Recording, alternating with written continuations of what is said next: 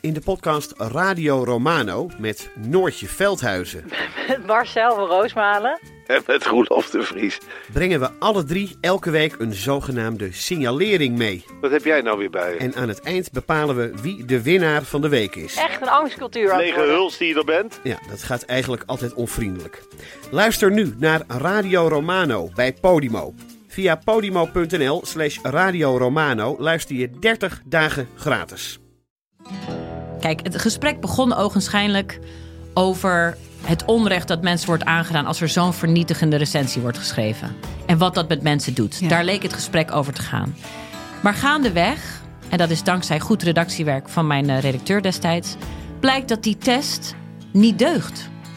Via podimo.nl slash gonzo luister je de eerste 30 dagen gratis naar Podimo. podimo.nl slash gonzo.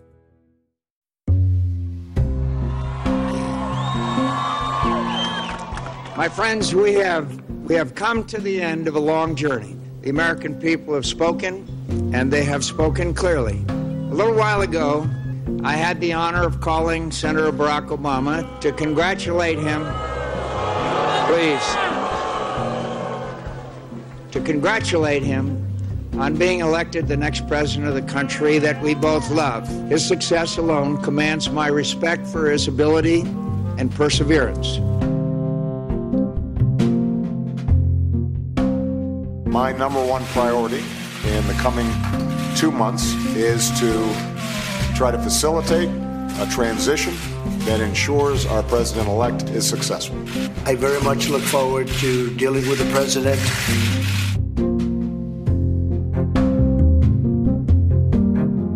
we were getting ready for a big celebration. We we were winning everything, and all of a sudden it was just called off. The results tonight have been phenomenal, and we are getting ready. I mean, literally, we were just all set to get outside and just celebrate something that was so beautiful, so good. Welkom bij Radio Amerika, de podcast van de Groene Amsterdammer over de Verenigde Staten in 2020. Elke paar weken spreken wij over de presidentsverkiezingen tussen de zittende Amerikaanse president Donald Trump en de inmiddels verkozen Joe Biden. En ook over de nasleep daarvan. Dit is een tweegesprek vanaf de redactie in Amsterdam. Ik ben Rutger van der Hoeven, de buitenlandredacteur van de Groene Amsterdammer. En ik spreek met onze correspondent in de Verenigde Staten, Casper Thomas. Nee, Rutger, daar ben ik weer. En eerder hoorde u in het intro John McCain die in 2008 zijn verlies accepteerde tegen Barack Obama. En Obama die in 2016 reageerde op de winst van Donald Trump. We zijn drie weken bezig aan de periode die in de Amerikaanse politiek traditioneel transitieperiode heet. Dus de verkiezing van een nieuwe president en zijn daadwerkelijke aantreden op 20 januari. Donald Trump erkent de overwinning van Joe Biden niet. Er zijn grofweg twee kampen in het debat erover. En de eerste die zegt Trump heeft daar een plan mee en de tweede zegt van niet. Eh, Casper, eerst maar eens even. In welk kamp zit jij? Ja, ik, ik, ik, ik hang er een beetje tussen. Ik, ik, ik heb gezegd tegen iedereen, ik ben er pas gerust op dat dit goed afloopt op het moment dat Biden zijn hand op de Bijbel legt en eh, de oath of office eh, zweert op 21 januari. En, ehm, maar daarvoor eh, kan er gewoon nog een heleboel gebeuren. Weet je, Amerika zit midden in een pandemie, er is een economische crisis. Eh, het gaat, de, rechtszaken die Trump aan het voeren is om de uitslag te niet te doen, die lopen op niks uit. Maar weet je, na, na drie jaar lang Trump volgen, weet je gewoon dat er altijd nog eh, tricks op his sleeve zitten. Er komen altijd nog, altijd, altijd nog onaangename verrassingen aan. Dus ik ben er, wat ik zeg, ik ben er nog niet gerust op. Maar eh, je bent er niet gerust op, maar heb je het idee dat er een, eh, een strategie achter zit wat Trump aan het doen is? Dat hij ergens naartoe werkt en dat hij ook weet waar, waar hij wil zijn? Ja, nou, ik, ik denk dat hij toewerkt naar een, eh, een, een, een post-presidentiële periode waarin hij nooit heeft toegegeven dat hij verloren heeft. En er een substantieel van deel van Amerika kan blijven bestaan dat op een of andere manier gelooft dat het, het presidentschap hem op illegitieme wijze ontnomen is. Als je er even nadenkt, ter vergelijking, er is in, in, in 2017, eh, het jaar na de vorige verkiezingen, geloofde nog ongeveer de helft van de, de Republikeinse kiezer dat eh, Barack Obama geen leg- legitieme president was, omdat hij in het buitenland geboren zou zijn. dat is een fabeltje. Maar uh, en voor mij is het cijfer inmiddels iets van een derde. Dus grote delen van Amerika kunnen gewoon heel lang in een, in een fabeltje blijven leven. En dat is volgens mij iets waar Trump op aan het aansturen is. Ja, ik, ik zie het meer als een, als een tussenstand. Hij is er inderdaad op aan het, uh, nu op aan het aansturen. Ik denk dat hij in het begin van deze periode, we zijn drie weken sinds die verkiezingen, ik denk dat hij ook uh, daadwerkelijk um, gewoon uh, ja, ballen in de lucht gooide en keek welke bleef zweven. En um, dat, of hij nou een plan had om de verkiezingen alsnog te winnen, dat is denk ik te veel gesteld. Maar ik denk wel dat hij dat echt heeft geprobeerd en dat het nu ondertussen duidelijk is dat, dat, dat het hem niet gaat lukken. En dan uh, gaat hij, zoals jij zegt, denk ik, over op een, uh, op een ander plan. Wat dan het, het ontkennen van de legitimiteit is. Ja, ik wil wel, maar, wel benadrukken dat echt de absurditeit van het feit dat we ook nog dat we hierover op deze manier aan het spreken zijn. En dat hebben we al vaker in deze podcast hebben we dat wel vastgesteld. Maar dat we überhaupt in een situatie zitten waarin een, een, een scheidende president zich gewoon niet neerlegt bij zijn verlies. Dat is, dat is natuurlijk al het is historisch en het is, het is zorgelijk. En er is nu een grote discussie gaan. En moet je nou een koep noemen of niet? Uh, of is het, is het een poging tot staatsgreep of niet? Ik sprak, het staat een stuk deze week in de Groene, de Jascha een, een wetenschapper, expert op het gebied van populisme, die zegt, luister, het feit dat het een heel slecht uitgevoerde koep is die nergens naartoe aan het gaan is, betekent nog niet dat het geen koeppoging is. En dat is wel de manier waarop Trump op deze manier nu de, de, de geschiedenisboeken aan het ingaan is. En, en, en, als een president die de uitslag van een verkiezing probeert er niet te doen. En daar is geen ander woord uh, voor denkbaar dan een poging tot, tot koep. Ja, ik zag dat en Applebaum Historica dat er uh, dat ook op die manier ziet. Uh, ja, dat er geen president is, dat is natuurlijk alleen maar betrekkelijk. Er zijn best wel veel presidenten voor, maar dan heb je het over landen waar de Verenigde Staten zich altijd mijlenver van verwijderd voelden. Maar ehm, dat blijkt toch niet zo te zijn. Dus uh, aan de ene kant uniek, aan de andere kant uh, is dit een, een, zwakke steef van de democratie uh, die blootgelegd is, waarvan alleen uh, niemand verwachtte dat het, dat het nou net hier zou zijn. Nee, ja, en, en ik, wat ik me wel afvraag, maar ik, misschien dat jij dat beter weet dan ik, bedoel, waarom duurt dit, waarom duurt dit in godesnaam zo lang? Kijk, Amerika, die, die transitie, dat, ik, ik wist dat altijd wel, maar nu ik het een keer van dichtbij meemaak hier, ik zie hoe de tijd hier voortkruipt en en wat, hoe, hoe groot dat gat eigenlijk is tussen het moment dat er verkiezingen zijn en het moment dat er een, een, een nieuwe president aantreedt. Dat ligt denk ik aan, uh, aan verschillen in levenstempo uiteindelijk waarin we, we zitten. Het is wel grappig om je te bedenken dat deze transitieperiode, dat die uiteindelijk uh, stamt uit een tijd waarin de Verenigde Staten ontworpen zijn op een soort tekentafel door de Founding Fathers. En die, dat waren mannen die uh, hele grote bezittingen hadden, boerderijen waar, ehm, die volgens de seizoenen werkten. En uh, ook geen, geen treinen en andere manieren van, van snel transport. En die gingen dus nadenken over een manier waarop ze verkiezingen konden organiseren. En waarbij er op een betrouwbare manier duidelijk was hoe er wel in afgelegen dorpjes was gestemd.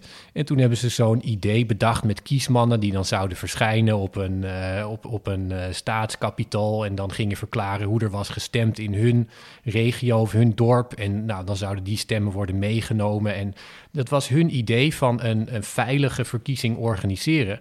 Uh, en daar hoorde dan ook een hele lange tijd bij die mensen moesten hebben om veilig over die wegen te komen van de ene stad naar de andere.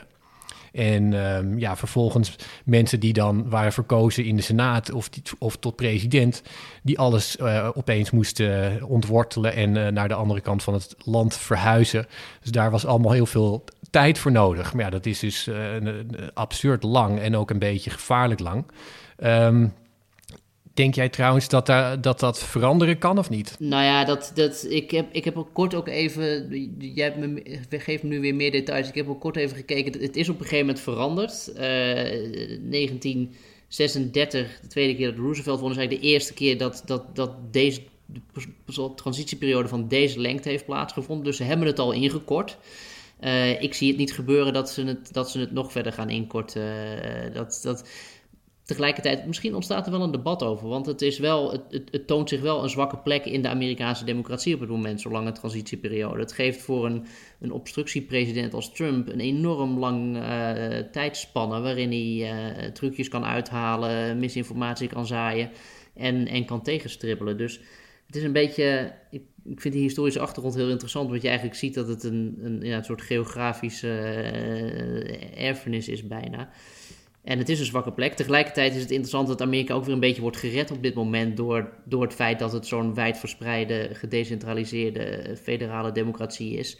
Want kijk, als er één plek was waarop Trump had kunnen ingrijpen om die verkiezingsuitslag uh, te veranderen, dan, dan was dat misschien wel geslaagd. Maar het, bedoel, iedere staat is eigenlijk weer een barrière op zich om, om, om Trumps koepoging, als je het dus zo wil noemen, uh, tegen te houden. En dus die gedecentraliseerde structuur op dit moment is eigenlijk ook hetgene weer wat Amerika redt. Ja, het is een. Um, uh, die, periode die wordt inderdaad nu een soort, zou je kunnen zeggen, sabotageperiode. Zo was die natuurlijk helemaal niet, uh, niet bedoeld.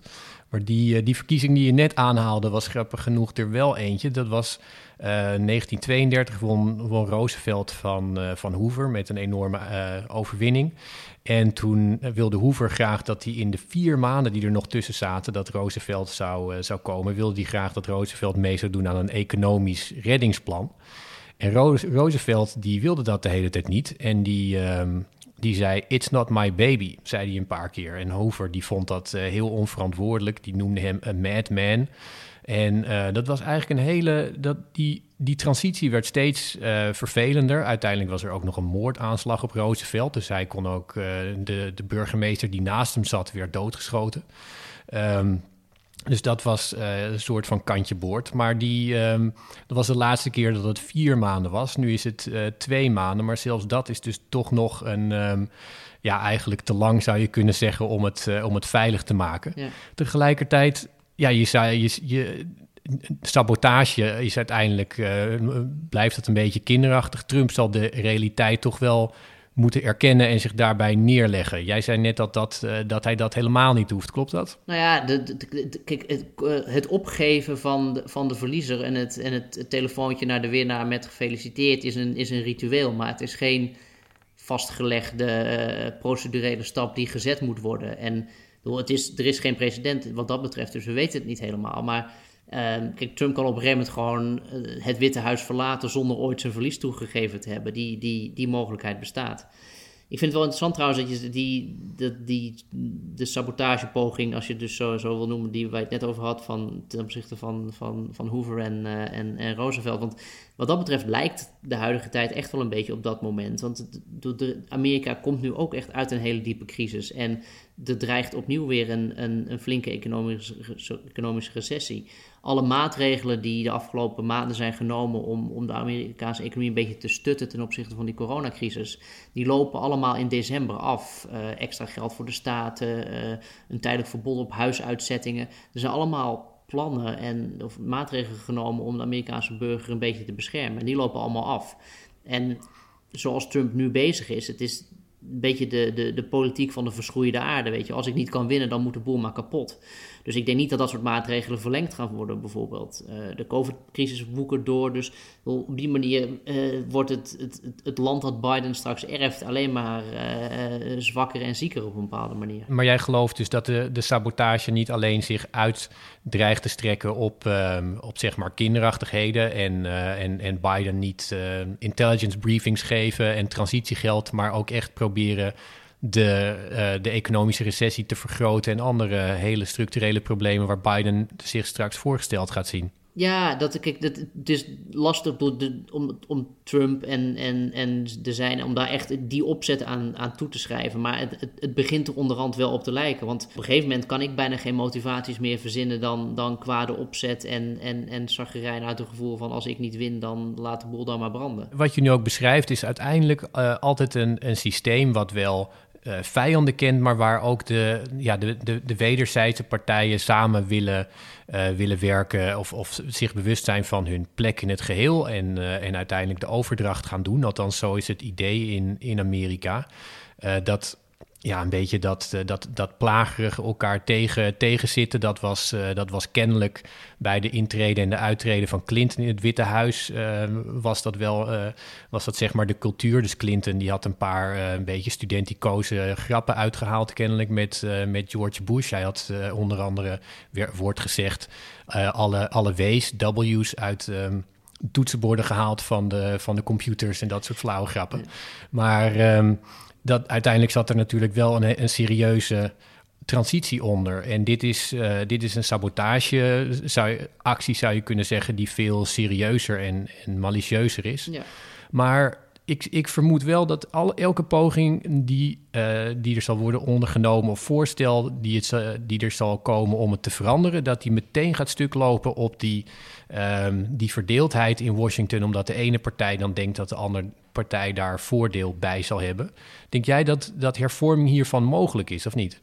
Ja, dus eigenlijk wat je eigenlijk zegt, dit is een soort ultiem gevolg van polarisatie in Amerika. Dat inmiddels, inmiddels heeft dat ook de transitie bereikt. Dus dat, dat is eigenlijk een beetje wat, je, wat je zegt. Ja, en vanuit dat perspectief zie ik het niet snel, uh, zie ik het niet snel veranderd worden. Uh, weet je, dat, de, ik, denk, ik denk niet dat daar aandacht naartoe gaat de komende vier jaar. Um, want ja, ik weet niet, als die, als die verdeeldheid zo groot is en elke andere vorm van electorale hervorming of wat dan ook, bedoel, die, die, die, heeft een kleine kans van slagen. Dus dat, ik, ik, ik, wat ik zeg, ik denk niet dat we nog naar een kortere, een kortere transitieperiode toe gaan. En um, het blijft dus uiteindelijk een soort kwestie van, van presidenten die daartoe bereid zijn. Uh, Bush en Obama gingen gezellig bij elkaar, gezellig, die gingen gewoon braaf naast elkaar zitten en, en gezamenlijk uh, de, de overdracht regelen. Als er veiligheidsbriefings waren, kwamen ze, gingen ze samen aan tafel zitten. Toen kwam Obama op kritiek te staan dat hij daarmee het beleid van Bush wel heel makkelijk doorzette. Um, dat is een andere discussie. Maar de norm, en daar gaat het uiteindelijk elke keer om. Deze hele, dit hele presidentschap heeft gedraaid om normen. En een soepele transitie en de sportiviteit van de winnaar erkennen, is een, is een presidentiële norm die in ieder geval voor nu ook weer bij het grof is gezet. Ja, misschien een laatste onderwerp. Ik, zie in de, de analyses vanuit de Verenigde Staten zie ik heel vaak het argument uh, terugkomen dat het gevaarlijk is deze periode, dat buitenlandse vijanden van de Verenigde Staten er uh, misbruik van kunnen maken. Dat komt op mij toch heel sterk over als een beetje een gezocht argument uit de democratische koker dat, dat dat werkelijke gevaar nou niet per se hoger is in deze En waarom denk je uh, dat periode. dat gezocht is? Want er wordt wel gezegd dat bijvoorbeeld de, dat 9-11 uh, een, een, grotere kans van slagen kreeg vanwege het feit dat de, de overgang van de, die verkiezing in 2000 dat die zo rommelig verliep. Ja, het wordt gezegd, maar ja, 9-11 zegt het al. Dat was in de negende maand. En um, Bush nam het toch echt over in de eerste. Dus ik, ik vind dat een beetje een, een gezocht argument... dat daar toch de, ja, de, het zaadje was geplant wat toen later, uh, wat toen later misging. Uh, ik, ik denk in deze, in deze situatie helemaal is het zo... dat er volgens mij uh, heel slecht op de winkel wordt gepast door de regering Trump. Maar de, uh, nou, net de veiligheidsdiensten zijn volgens mij uh, bij uitstek een van de weinige plekken waar continuïteit is uh, en in, inlichtingendiensten. Ja. Maar misschien zie ik dat verkeerd. Nou ja, ik weet, ik weet, ik weet het niet zo goed. Het is, het is een beetje koffiedik kijken op dit punt, omdat we dat niet weten. En dat, dat raakt een beetje aan het volgende punt. Dus kijk, we gaan denk ik nog heel veel horen, heel veel leren en heel veel weten op het moment dat Biden eenmaal het Witte Huis zal betreden. Weet je, de, alles wat er nu wordt weggehouden aan materiaal, archiefstukken, eh, bronnen. Uh, Biden gaat daar dingen aantreffen, denk ik, die, die hem en, en ook Amerika zullen schokken op het moment dat dat naar buiten komt. En dat raakt dan aan de discussie de vraag, uh, weet je, wat, wat gaat Trump doen met, die, met, die, met, met de presidentiële archieven voor zover die er zijn? Gaat hij die tussen haakjes of tussen aanhalingstekens verbranden of, of, of laten verwijderen? Gaat hem dat lukken, ja of nee? Um, dus ik denk dat we, nog, dat we, dat we in die zin nog een, echt een nasleep van Trumps presidentschap gaan krijgen. Waarin echt de, de, de, de, de chaos en de, de, de incompetentie er ook van, dat die zich pas gaat openbaren ten volle op het moment dat Biden uh, aan de macht is. Nou, ik, um, ik hoop het niet. In ieder geval kan het niet slechter zijn dan um, ander eeuw, anderhalve eeuw terug. Toen werd uh, Lincoln verkozen en tegen de tijd die aantrad waren er zeven staten uit uh, de Verenigde Staten getreden. Dus uh, laten we er maar van uitgaan dat, dat het zo erg niet wordt. Nee, maar het, scheelt, maar, het zit er uh, niet... Ik bedoel, nogmaals, er is geen, de, de, de Unie staat niet op breken... maar er gebeuren wel echt rare dingen. Kort voordat wij dit gesprek begonnen... moest er een Luzerne County... dat is een heel belangrijk kiesdistrict in, in Pennsylvania... die moesten vandaag hun verkiezingsresultaten certificeren. Uh, daar heb je het geluk gehad, dat zijn vijf uh, functionarissen, drie democraten, twee republikeinen. De drie democraten zeiden, nou keurig, dit zijn de verkiezingen, dit is het resultaat. Biden heeft uh, meer stemmen, dus in dit district heeft hij gewonnen. maar de twee republikeinen in die commissie die hebben tegengestemd. Die hebben gezegd: nee, sorry, we, we gaan de verkiezingsresultaten niet goedkeuren. Dus als de verhoudingen anders hadden gelegen, dan was dat een enorm probleem geworden. Dus Amerika zeilt echt in die zin wel echt langs de rand hoor. Tja. Nou, en um, die verkiezingsuitslagen zijn nog niet allemaal gecertificeerd. We krijgen over een paar weken de, het kiescollege wat samen moet komen. Als dat in december heeft gezegd, Biden heeft gewonnen, ben je dan wat, uh, wat geruster? Ja, of ga je 14, echt pas op 20? Ik, ja, uh, ik heb 14, 14 december uh, wel echt in mijn agenda gezet als een soort datum om, om eens even goed te kijken hoe, hoe de zaken ervoor staan en, en, en wat, wat er dan allemaal gebeurt. Dus wie weet spreken wij elkaar tegen die tijd weer, of, of kort daarvoor of kort daarna maar het is de, de, wat ik zeg, het is, it ain't over till it's over. Ja, en laten we hopen dat er niet uh, al te veel ijs en, uh, en dergelijke op de, op de weg ligt, zodat alle afgevaardigden naar uh, de hoofdstad kunnen komen. Precies. Goed, nou, ik spreek je tegen die tijd, denk ik weer, Casper. Absoluut, tot later, Rutger. U luisterde naar Radio Amerika, een podcast van de Groene Amsterdammer. Als u deze aflevering interessant of goed vond, dan kunt u ook de vorige afleveringen terugluisteren. Die staan allemaal nog online. Later in de week is de reguliere podcast van de Groene Amsterdammer er weer en daarna komt Radio Amerika weer in de lucht. Als u de podcast goed vond, deel hem alstublieft en like hem op het platform waarop u deze podcast luisterde.